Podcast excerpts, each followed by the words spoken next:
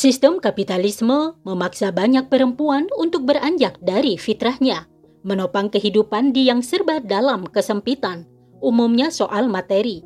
Kapitalisme ini telah berhasil mengubah kerangka berpikir masyarakat mengenai perempuan, utamanya perempuan yang bertitel, yang katanya sayang kalau tidak digunakan untuk menghasilkan uang. Assalamualaikum warahmatullahi wabarakatuh. Hai hai hai sobat pendengar setia podcast. Apa kabar? Semoga kabar hari ini bahagia. Nah, seperti biasa saya akan menemani ruang dengar Anda dalam rubrik opini.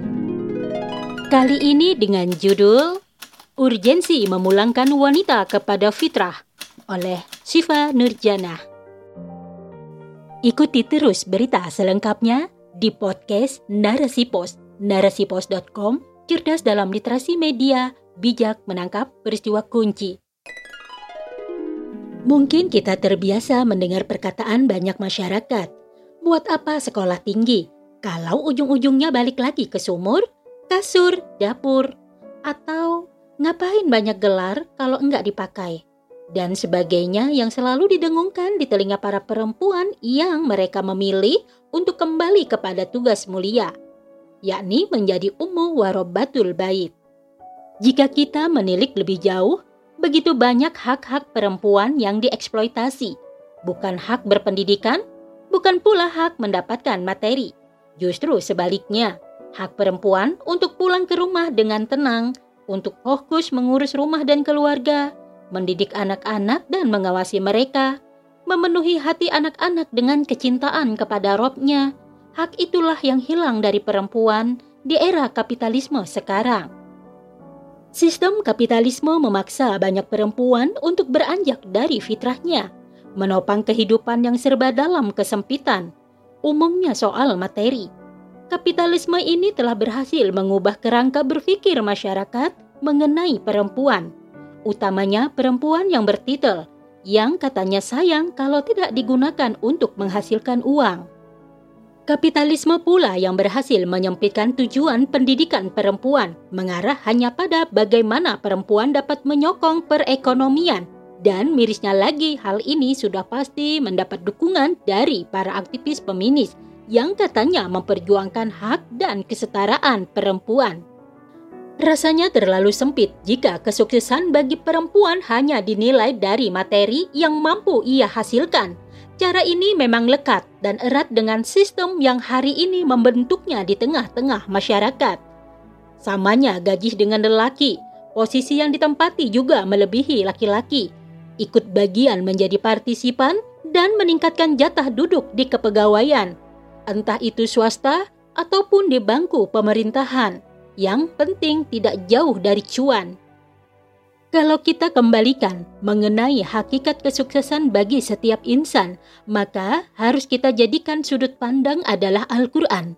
Allah berfirman dalam Al-Quran surah Al-Hujurat ayat 13. Hai manusia, sungguh kami menciptakan kalian dari seorang laki-laki dan seorang perempuan, serta menjadikan kalian berbangsa-bangsa dan bersuku-suku supaya kalian saling mengenal.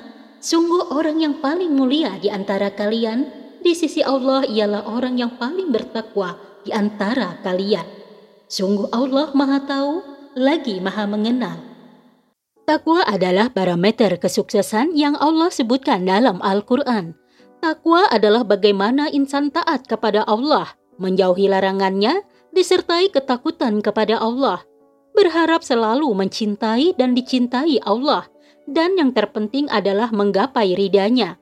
Maka, sukses bagi perempuan adalah menjadi muslimah yang bertakwa, menaati seluruh perintah Allah, menjalankan peran utamanya sebagai ummu warobatul bait, pencetak generasi-generasi Rabbani, mujahid dan mujahidah yang berkontribusi dalam perjuangan dalam rangka kebangkitan Islam. Maka begitu spesifik dan apiknya Islam dalam memberikan definisi sukses bagi perempuan. Bukan seperti kapitalisme sekarang yang mempersempitnya dengan segala hal yang beraroma banyaknya materi. Mungkin kita terbiasa mendengar bagaimana B.J. Habibie mengatakan, Didiklah satu lelaki, maka kamu akan mendidik satu orang.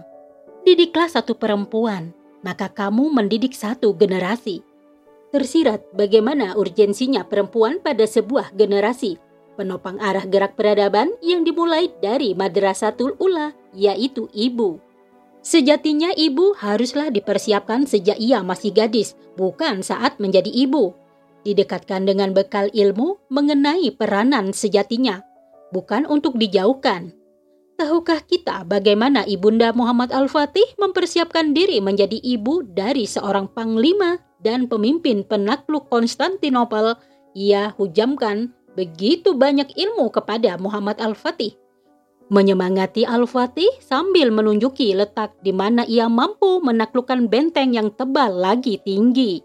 Tahukah kita bagaimana Ibunda Salehuddin Al-Ayubi yang mempersiapkan cita-cita tinggi sejak masih gadis, yaitu untuk menjadi ibu dari sang pembebas Al-Aqsa.